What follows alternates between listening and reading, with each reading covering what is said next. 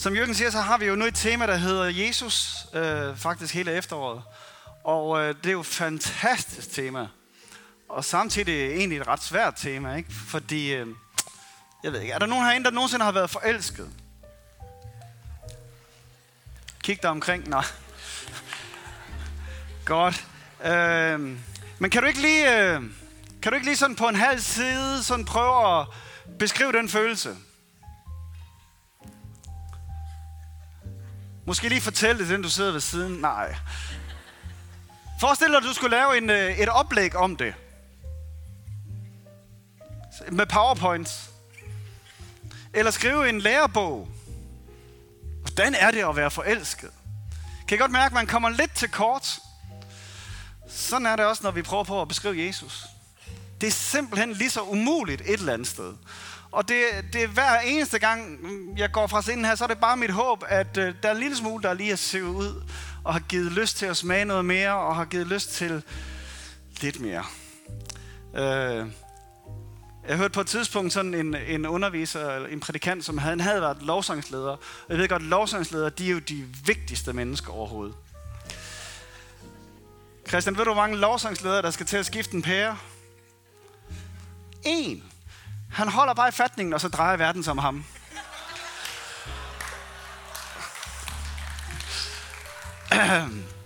Han havde været lovsangsleder, stået på store scener, store stadier, og øh, været i centrum. Og så har han mistet stemmen, fået en sygdom, hvor han mistede stemmen. Han kunne kun viske, og når han underviste, så kunne han, han kunne viske tre kvarter ad gangen, og så skulle han have en pause, og så kunne han igen. Øh, han havde forstået noget, skal jeg hilse at sige. Han havde virkelig fattet, hvad det drejer sig om. Og han sagde, det spørgsmål, man skal stille sig selv, når man står på scenen, det er, når jeg går ned herfra, er folk så mere fascineret af brudgommen, end af brudgommens ven. Det er et billede, Jesus bruger. Han siger, hans disciple, det er brudgommens venner, øh, og det er Jesus selv, der ligesom er brudgommen. Og, øh, og det er faktisk et, et rigtig god målestok. Øh, og det er det, vi prøver at være eneste søndag at prøve at sige, at vi skal gå væk herfra, ikke imponeret over, oh, hvad kan Citykirken, og sikkert nogle lys, de har, og sikkert nogle flotte bogstaver. Men ham der Jesus, ham er jeg blevet mere fascineret af. Og øh, jeg har valgt i dag at sige det, og kalde det Jesus en af os. Og øh, det kommer til at handle om Jesus som menneske. Det er jo egentlig sådan et juletema, ikke? Øh, men Jesus var ikke kun menneske, da han var baby. Det var han sådan set hele livet. Øh, vi har fra starten af temaet lagt ud med at tale lidt om, hvordan der hos jøderne var sådan en forventning om, at Messias skulle komme. Der skulle komme en og redde os. Skulle komme en og sætte det hele på plads. Og øh, den her Messias skulle komme. Og øh, så kommer det her lille baby ikke? og overrasker alle. Og ikke desto mindre, hvis vi kigger lige nu ud i verden, så er der jo bare ingen tvivl om, at Jesus er verdenshistoriens vigtigste person. Altså et hvert tænkende menneske vil sige ja til den sætning. Jesus er verdenshistoriens vigtigste person. Altså det vil enhver ateist også kunne skrive under på. Der er, der er ingen, der har forandret verden mere end Jesus.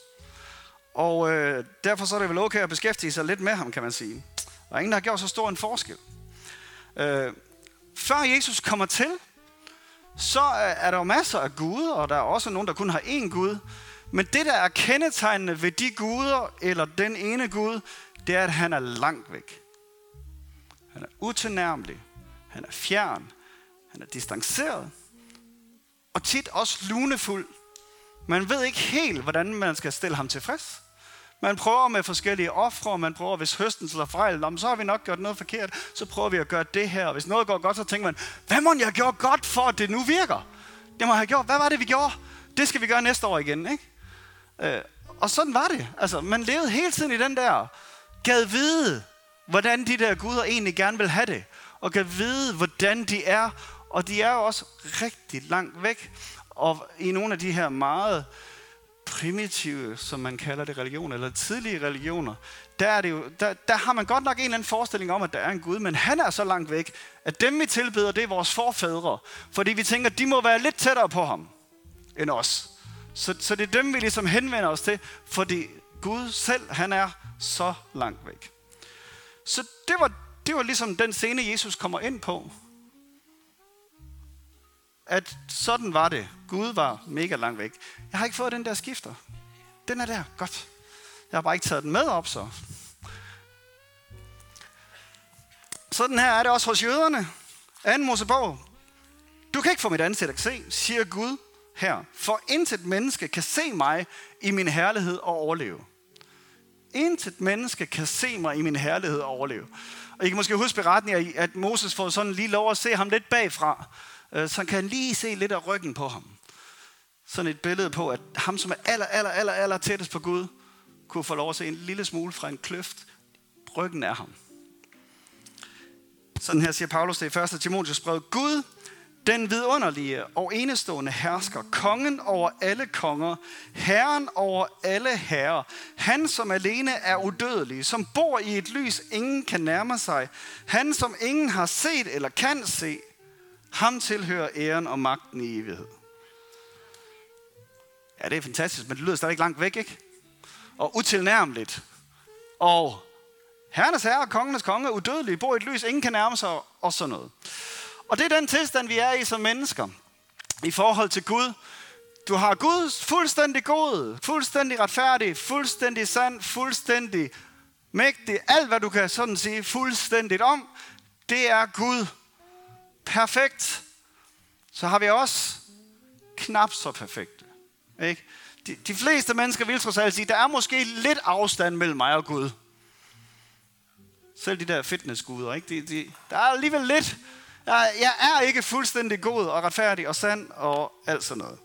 Så Gud er på afstand, det ved et hvert menneske. Hvis man har en eller anden fornemmelse af, at der er en Gud, hvis der er en Gud, så er han i hvert fald langt væk. Og jeg er ikke lige på hans niveau. Og så prøver vi ellers som mennesker på alle mulige måder i virkeligheden at bygge bro og prøve at sige, hvordan kan vi nærme os Gud? Og det er det, al religion går ud på. Al religion går ud på, at vi prøver på at nærme os Gud. På en eller anden måde. Det kan være, at vi skal meditere. Det kan være, at vi skal faste. Det kan være, at vi skal bare generelt leve asketisk og ingenting må. Det kan være, at vi skal tage nogle bevidsthedsudvidende stoffer. Det kan være, at vi skal øh, gøre en masse gode gerninger. Det kan være, at vi skal gøre nogle ritualer. Al religion er et eller andet forsøg på det der. Men de når jo aldrig nogensinde i nærheden af Gud alligevel. Og i virkeligheden, så kan man sige, at det som kristendommen gør, det er, at den kommer og siger, øh, alt det der, glem det. Kristendommen siger, glem det. Det kan ikke lade sig gøre. Der er et fantastisk sted i øh, Gamle Testamente, som de fleste bibeloversættelser prøver at omskrive, fordi det er lidt øh, klamt. Øh, nej, det må man ikke engang sige i dag. Nej. Øh, der står bogstaveligt talt, alle jeres retfærdige gerninger er i mine øjne som et brugt menstruationsbind. Det står der i Bibelen. Hvis man sådan virkelig forstår, hvad der står. Altså, de har omskrevet det til beskidte klæder og sådan noget, ikke? fordi det andet det lyder alligevel for. Men nu til dags, hey, der er fribløder og alt muligt andet, så det er selvfølgelig ikke så grimt, som det har været. Men det er stadigvæk det billede, der ligesom, for jøder var det her rigtig grimt. For jøder var det rigtig grimt. Altså, blod i det hele taget for jøder, ikke? Og så menstruationsblod. Der skulle du være uren i jeg ved ikke hvor mange dage og alle de her ting. Så, syv dage. Så, det er ligesom billedet alle jeres gode ting. Alt det, I gør rigtig godt. Sådan ser jeg på det. Så lidt er det værd. Det nytter ikke noget. Det der, det rykker ikke noget. Det er det, kristendommen siger. Det rykker ikke noget. Og modsat alle andre religioner, så siger den sådan set, du kan ikke nå Gud. Og kristendommen handler i virkeligheden om, at øh, give op. Du skal overgive dig. Det har vi lige stået og sunget. Jeg overgiver mig. Kapitulere. Jeg kan ikke selv. Jeg er ikke god nok. Jeg kan ikke tage mig nok sammen. Jeg kan ikke blive den bedste udgave af mig selv nok til, at jeg kan nå Gud. Det er umuligt. Det er kristendommens budskab. Mega deprimerende. Men det er jo derfor, Jesus kommer, ikke? Altså, det er jo derfor, at pilen vender den anden vej i kristendommen. Derfor kommer Gud her ned på jorden. Fordi vi ikke kan komme til ham. Han blev som en af os. Han blev menneske. Og det er unikt ved kristendommen. Ja, du kan godt finde andre religioner, hvor guderne kommer ned og prøver at lave en prank med menneskene og går lidt rundt i nogle menneskeklæder og alt sådan noget. Men det er alt sammen for deres skyld, ikke? Altså, det er i hvert fald ikke for menneskenes skyld. Det er fordi, de enten vil finde ud af, at jeg ved, hvordan det her er, eller også vil de lave noget ballade dernede. Og så fiser de for øvrigt op igen. Ikke? Øh, det er unikt, det som Jesus gør, og komme ned på den måde, han har. Og sådan her siger Hebræerbrevets forfatter det. Han siger, mange gange og på forskellige måder har Gud igennem tiderne talt til vores forfædre gennem profeterne. Men nu har han i de sidste tider, har han talt, nu har han her i de sidste tider talt til os ved sin søn, Jesus. Jesus gav os et glimt af Guds herlighed og viste os Guds væsen. Jesus gav os et glimt af Guds herlighed og viste os Guds væsen. Så det er noget af årsagen til, at Jesus han kom. Han kom for at tale til os fra Gud. Han kom for at give os et glimt af Guds herlighed. Og for at vise os, hvordan Guds væsen er. Den der Gud, vi ikke helt kunne forholde på, og som er lunefuld, og som vi ikke kan greje, og som vi ikke ved, hvordan vi skal tilfredsstille. Han kom herned for at vise os selv, hvordan han var. Johannes Evangelie kapitel 1 siger det sådan her. Ingen har nogensinde set Gud, den, men den enborne, som selv er Gud, som jo er Jesus, og som er i faderens favn, han er blevet hans tolk. En hverdagsdanske siger, at han er blevet som en af os, eller han har vist os, hvem han er, men det er faktisk det her med, at han tolker for os. Det er volapyk, det Gud, han siger, men Jesus tolker det for os. Nu skal I høre, det er det her Gud, han mener. Det er sådan her Gud, han er. Senere hen, så siger Philip øh, til Jesus, en af Jesu disciple siger til Jesus, Her vis os faderen, bad Philip. Det er alt, hvad vi ønsker. Og Jesus siger, er du stadigvæk ikke klar over, hvem jeg er, Philip? spurgte Jesus. Og det efter, jeg har været så lang tid sammen med jer. Den, som har set mig, har set faderen. Og det er jo et eller andet sted så crazy en tanke, at det er svært at forstå. Ikke? Hvordan, hvordan kan Gud, universet skaber, blive menneske? Øh, og hvis han bliver menneske, hvad sker der så med Gud?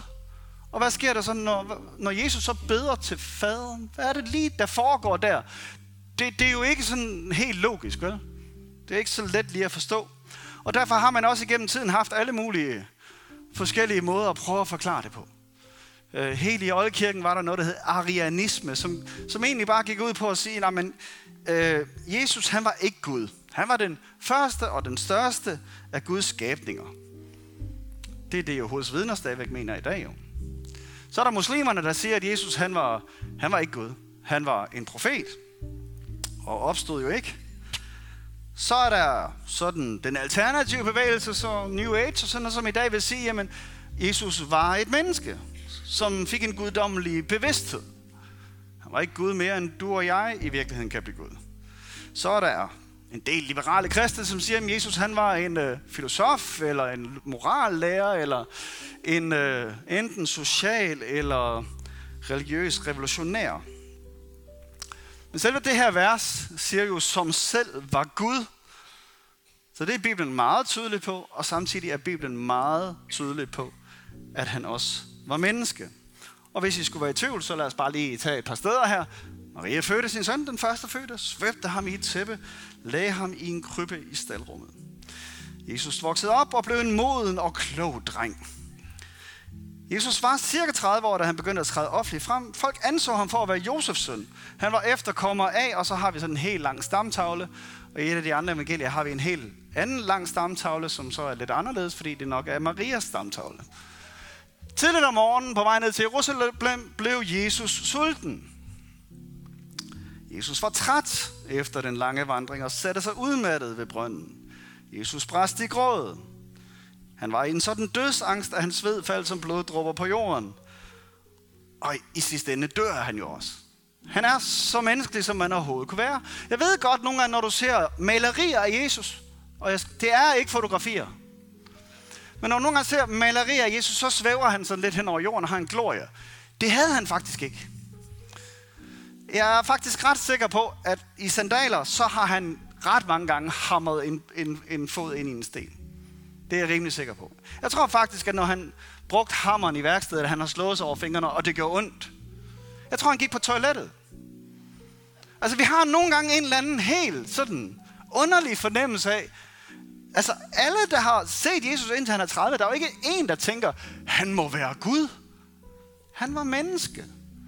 Fuldstændig som du og jeg er menneske. Fuldstændig med de samme følelser, med de samme oplevelser, med den samme verden omkring sig. Og så begynder han, fra han er 30, så begynder han så at træde frem som Menneskesønnen kalder han sig selv. Så når sådan en titel fra det gamle testamente, der er en lille smule mystisk, og den har vi nok ikke tid til at komme ind på i dag. Men der kan man godt fornemme nu, der er et eller andet mystisk her. Og der var jo også nogle profetier der, da han blev født om, at han var den højeste søn og alt det der. Ikke? Men der er ingen tvivl om, at han var menneske. Men hvordan det? Og det har man jo så prøvet i øh, sådan kirkehistorien at komme med forskellige bud på. Og det man er nået til et eller andet sted, det er at sige, at han var 100% Gud og 100% menneske. Det går bare ikke op, vel? Det er 200%. Der er noget logik, der ikke hænger sammen. Øh, og, og det kan man sige, selvfølgelig, det bør der vel også være, hvis det er Gud og en helt anden verden, vi snakker om. Men det er svært for vores hjerner helt at få den derind. Den ene af måden at prøve at løse det på, det er, at man siger, jamen han er fuldstændig det hele og fuldstændig det andet. Altså, så han er både helt alvidende og helt ikke alvidende. Ja, teologisk set, så kan man måske godt sådan kringle den rundt, ikke? Men et eller andet sted er den svær at forstå, at han både kan være helt alvidende og helt ikke alvidende. Og helt mægtig og helt ikke mægtig. Og helt og alle de her ting, ikke? Og det er jo fordi, at Jesus han øh, beder til faderen. Han siger, jeg ved ikke, hvornår jeg skal komme igen. Der er nogle steder, han ikke kan gøre mirakler. Der er alle mulige ting, som undrer os, hvis han virkelig var fuldt ud Gud. Hvordan kan det så være, at han er begrænset? Øh, men en anden måde at prøve at forstå det på, hjælper Paulus os lidt med, fordi han siger sådan her i Filipperbrevet om Jesus. Han var lige med Gud. Han havde ret til at fastholde den lighed. Dog gjorde han ikke krav på sin ret, men gav afkald på sin guddomsmagt, tog tjenerskikkelse på og blev menneske. Som menneske ydmygede han sig og accepterede den værste død, døden på et kors. Så han var Gud, var som Gud, men gav afkald. Ordret står der, at han tømte sig selv. Så han begrænser sig selv. Eller sætter en eller anden, ja han sætter en begrænsning ind. Han giver afkald på noget af det, han kan som Gud, for at blive fuldt ud menneske. Nogle af de, han afstår fra at bruge nogle af de aspekter af guddommeligheden. Så han bliver som en af os, som en vi faktisk kan identificere os med. For det kan jo godt være lidt svært at identificere sig som en, som er Gud, ikke? Jamen, det kan godt være, at Jesus han håndterede den der situation sådan, men han var jo også Gud. Nej, det var han ikke i den situation. Den, enhver situation, Jesus er ude i, håndterer han som menneske. Og derfor kan vi bruge ham som forbillede. Hebræerbrevet siger det sådan her. Fordi han selv måtte igennem prøvelser og lidelser, er han i stand til at hjælpe dem, der står midt i prøvelserne. Altså uanset hvilken lidelse eller prøvelse du står i, så kender han til det. Fordi han har været menneske. Han forstår vores svagheder, for han har, ligesom vi, været udsat for alle mulige fristelser, dog uden at bukke under for dem. Så derfor kan vi bruge ham som eksempel og som forbillede. Det er derfor, at vi, når vi agerer her i den her verden som kristne, så agerer vi, som han ville have gjort. For år tilbage var det meget moderne at gå med et What would Jesus do armbånd eller et eller andet sted, klistermærke eller et eller andet. Hvad vil Jesus gøre? Og det er faktisk et meget godt spørgsmål. Hvad vil Jesus gøre i den her situation? i den her samtale over for den her kollega, midt i det her studieproblem, jeg har, midt i den her relationsudfordring, jeg har. Hvad vil Jesus have gjort? Og derfor, når vi, derfor beder vi frimodigt for syge. Derfor tror vi på Guds indgriben i situationer. Fordi at Jesus gjorde ikke alle de ting, han gjorde hernede på jorden, fordi han var Gud. Han gjorde det egentlig under samme vilkår, som vi gør. Helligånden kommer over ham ved hans dåb og så er han ude og blive fristet i ørkenen, og så vender han fra ørkenen tilbage i Helligåndens kraft. Det er der, vi også er. Det er den mulighed, vi har. Og dermed har vi mulighed for at gøre som han. Som et menneske med Guds hjælp. Så det er mit bedste bud på at prøve at forstå det. Jesus sætter nogle grænser for sig selv, giver afkald øh, og sætter begrænsninger for sig selv. Og interessant nok, så øh, er det også det, Jesus egentlig hensyder til her, da han står før han skal dø og øh, beder. Så siger han sådan her, det evige liv er at kende dig, den eneste sande Gud, den frelser og messias, som du har sendt.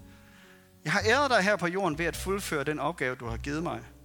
Far, er du nu mig og fører mig tilbage til den herlighed, eller til din herlighed, tilbage til den position, jeg havde hos dig, før verden blev skabt. Jeg har åbenbaret, hvem du er for de mennesker, som du kaldte ud af verden og gav til mig. Så han siger, nu er jeg ved at være færdig med at vise, hvem du er. Jeg har fundet nogle disciple her, jeg har fundet nogen, der gerne vil vide mere om det, og vis dig, hvordan du er. Vis dem, hvordan du er. Herliggør mig nu med den herlighed, jeg havde hos dig, før verden blev til. Med andre ord, den, det jeg har aflagt, giv mig det nu tilbage igen. Og hvad er det, Jesus så siger efter hans opstandelse? Når han sender disciplene ud. Mig er givet al magt i himlen og på jorden. Fordi han først havde givet afkald på det. Så fik han det tilbage igen. Og så siger han, det evige liv er at kende Gud. Og Jesus kom for, at vi kunne komme i den der relation til Gud. Kende ham. Han viser os, hvem Gud er. Det er den ene del af det ting, han gør. Han kommer ned til os. Men så dør han for os også. For den ufuldkommenhed, det der store gab, der var imellem Gud og mennesket, det dør han. Det er det, Bibelen kalder synd. Det er det, han fjerner. Han fjerner afstanden mellem Gud og mennesker. Og dermed så får vi en vej til Gud, som ikke er noget, jeg skal gøre, ikke er religiøse ritualer, ikke er næstekærlighed eller fromhed, men er en person. Jesus siger, jeg er vejen, sandheden og livet. Ingen kommer til faderen uden ved mig. Altså, der er ikke nogen shortcuts, som jo ikke er shortcuts. Det er mega besværlige veje, det der. Der er kun én vej. Og det er en relation med Jesus. Det er det, der er så svært at beskrive, som hvis du skulle sidde og skrive en lille arbejdsbog om at være forelsket. Ikke? Hvordan er det lige, man gør det? Øh, men Bibelen er meget tydelig på, at det er det, det handler om. Og det er derfor, vi er i kirke. Første Timotheus siger Paulus sådan her, der er kun én Gud, og én formidler mellem Gud og mennesker. Mennesket, Jesus Kristus. Læg jo et mærke til, at han stadigvæk kalder ham menneske. Det her det jo efter, at Jesus er død og opstået og faret til himmels. Han er stadigvæk et menneske. Der sidder et menneske i himlen, der ved, hvordan det er at være menneske. Da tiden var inde, gav Jesus sit liv som løsesum for at kunne sætte alle mennesker i frihed. Det er kernen i budskabet. Det er kernen i budskabet. At han døde for at sætte fri. Og det sætter os alle sammen et eller andet sted på et valg, hvad vi gør med sådan en historie. Ikke? Fordi enten så er det jo totalt gagak. Altså så er Jesus jo gal. Han siger, at han er menneske, han er Gud, og gør alle mulige ting i Guds navn, og siger, at han viser os, hvem Gud er. Enten så er han jo gal, eller så er han den, han siger, han er. Og det valg står vi alle sammen med. Og øh, jeg skulle hilse fra ham og sige, at han ikke er gal. Men at det er fuldstændig rigtigt. Og øh, lige så vel som jeg ikke kan forklare for dig, hvordan forelskelse føles, men at det skal opleves, så er det også sådan med det at få en relation til Jesus. Man kan sige, at hovedskriftet i Bibelen er jo Johannes 3:16. At Gud elskede verden så højt, at han gav sit eneste søn, for at enhver, som tror på ham, ikke skal gå fortabt, men for evigt liv. Han elsker så meget, at han er villig til tømme sig selv, give afkald, komme herned på jorden, leve hernede i 33 år, dø på et kors, for at vise os, hvem han er, og for at fjerne det, der er mellem dig og mig og ham. Det eneste, det kræver, det er sådan set, at vi tror. Og det er ikke et udtryk, jeg har en eller anden idé om, det er udtryk, jeg har tillid til, at det er rigtigt. Og så er det fuldstændig som med alt sådan noget, at det er lidt et spring ud, ikke? Skal vi komme sammen? Ja, nej, sød. Altså, Jesus afviser ikke nogen, det kan jeg love dig. Men det kan godt være, at du sidder der og tænker, den der sæd, kan jeg vide, om der er nogen til at tage imod den? Hvis ikke du giver sæden, finder du ikke ud af det. Det kan anbefales. Vi sidder en hel del vidner her, som har gjort det før, og som ved, hvad det har gjort af forskel i vores liv. Måske har du kigget dig lidt omkring under lovsangen og tænkt, hvad har de i gang i? Hvorfor står de er så inderlige og intime her? Hvad, hvad laver jeg i deres soveværelse? Det er nogle gange meget inderligt og intimt, når vi har lovsang. Og det er fordi, vi har en relation. Det er fordi, at vi har fået den der kontakt. Han sagde ja. Og det kan han også gøre for dig. Og jeg kunne tænke mig bare at bede en bøn nu. Og, og øh, du kan slutte dig til den bøn, hvis du tænker, jeg vil gerne tage det næste skridt med Jesus. Det kan godt være, at jeg ikke lige helt kan overskue det, men jeg rækker sædlen frem. Så skal vi få en relation? Skal vi connecte her? Og så vil jeg opfordre dig til dels at bede med, men dels også at tage fat i nogen af os efter gudstjenesten. Der bliver også mulighed for, at nogen kan bede for dig. Sådan så, at øh, du kan lære mere og fortsætte med at blive fascineret af ham her, Jesus. Lad os bede sammen. Jesus, tak. Tak, at, at du var villig til at komme og vise os, hvem Gud var. Tak, at du blev menneske. Ikke bare sådan skin-menneske, men menneske med hud, blod og kød. Med alle de udfordringer, det er at være menneske. Med alle de følelser, der er i at være menneske. Tak, at du var villig til det. Tak, at du har malet for os, hvem Gud er. Og her beder dig for enhver, som sidder og med en lyst til at tage et skridt i din retning. Her velsign den lyst, styrk, modet der. Og her tak, at, øh, tak, at jeg og vi alle sammen kan sige ja til at tage et skridt tættere på dig. Se til vores hjerter lige nu her. Velsign en hver beslutning, der er om at komme tættere på dig. Og tak her, at du vil blive ved med at tage os i hånden og vise os mere af, hvem du er, og vise os mere af, hvem faderen er. Tak for dit nærvær.